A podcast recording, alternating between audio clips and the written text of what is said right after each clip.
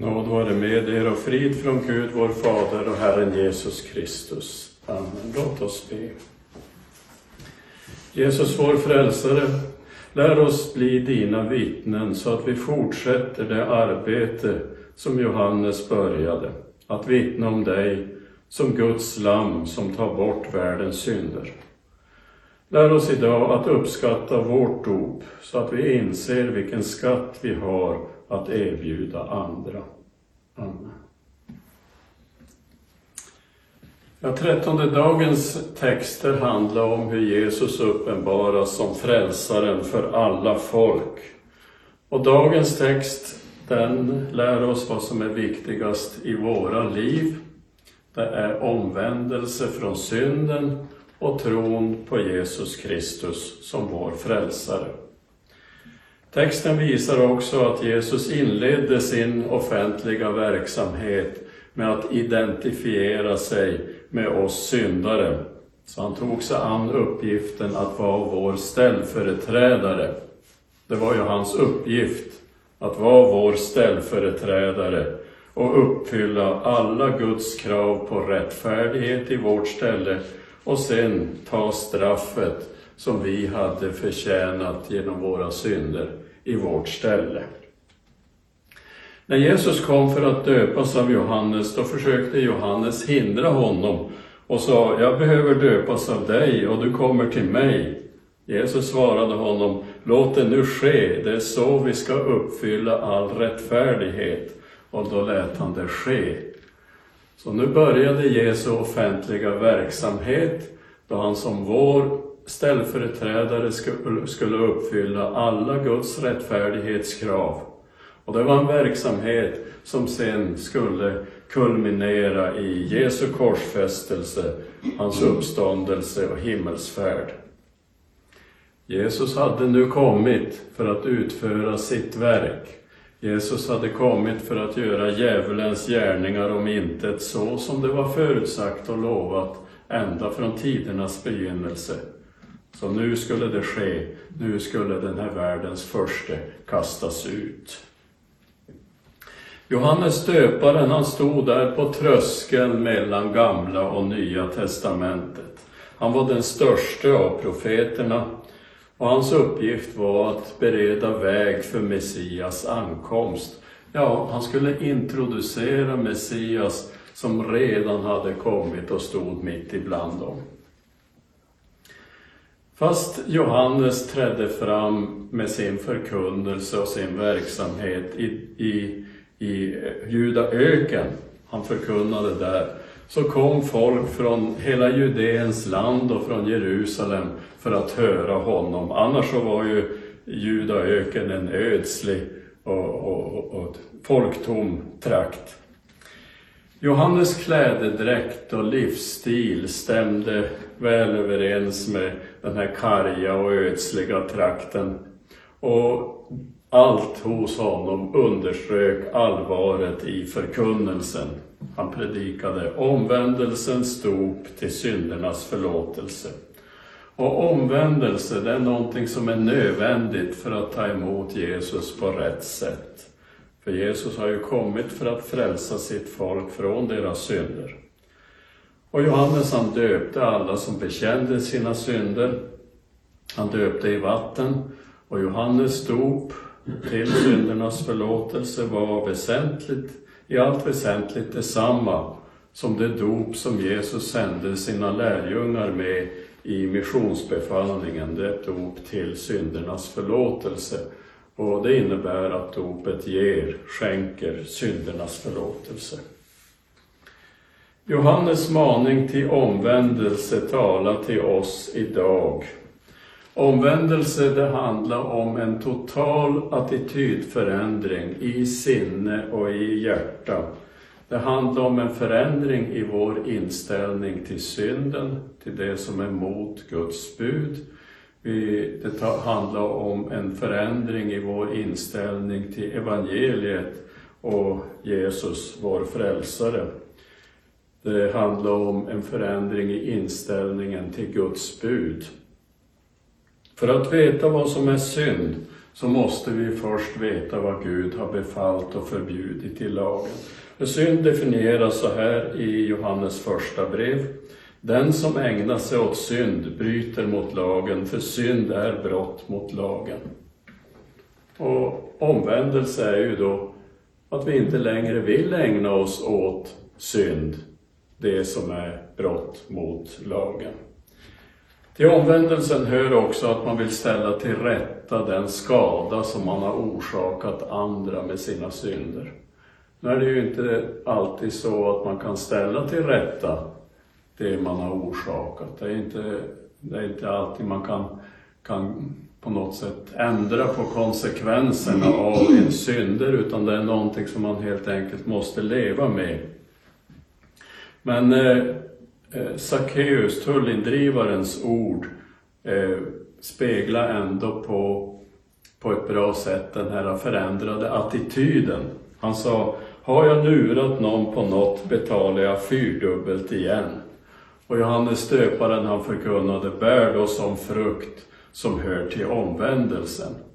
Och när olika människor frågade vad de skulle göra, ja då tillämpade Johannes Guds bud i deras livssituation. Och så är det också för oss.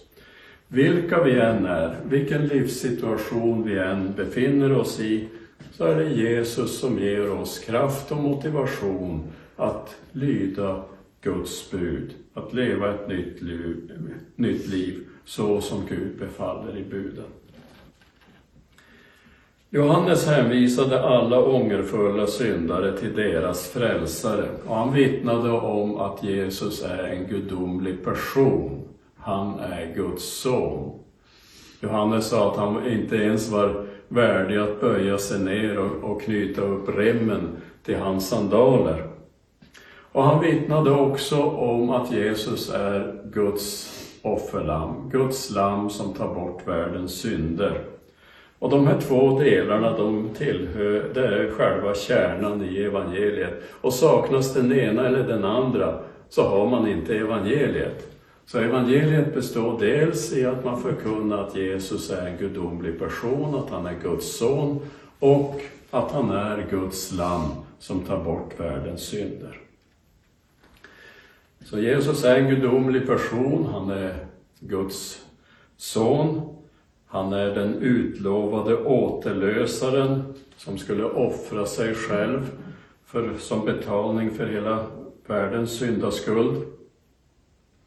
Så Johannes med sin förkunnelse visar ju egentligen fram mot Golgata och korset.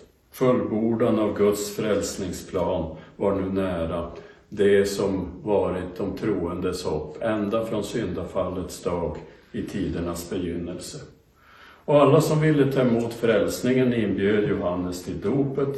De bekände sina synder, erkände sitt behov av frälsaren och de blev döpta med dopet till syndernas förlåtelse.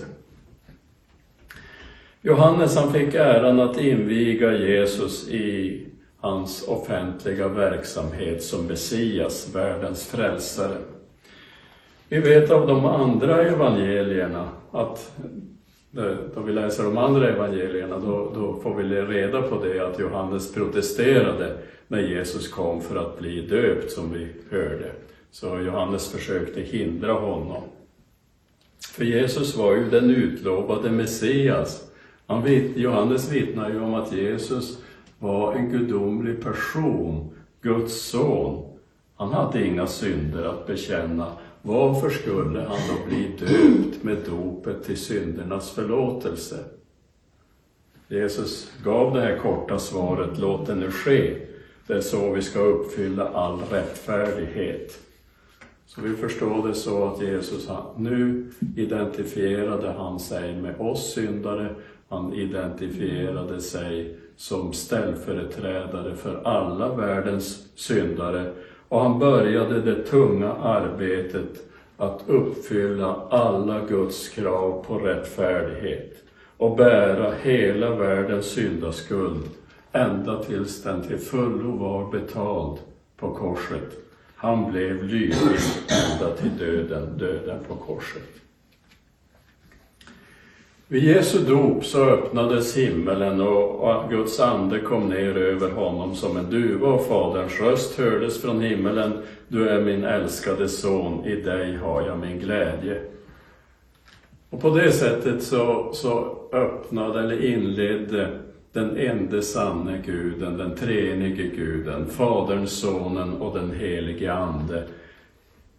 De absolut viktigaste och största händelserna i världshistorien, de som nu skulle utspela sig under ungefär tre år.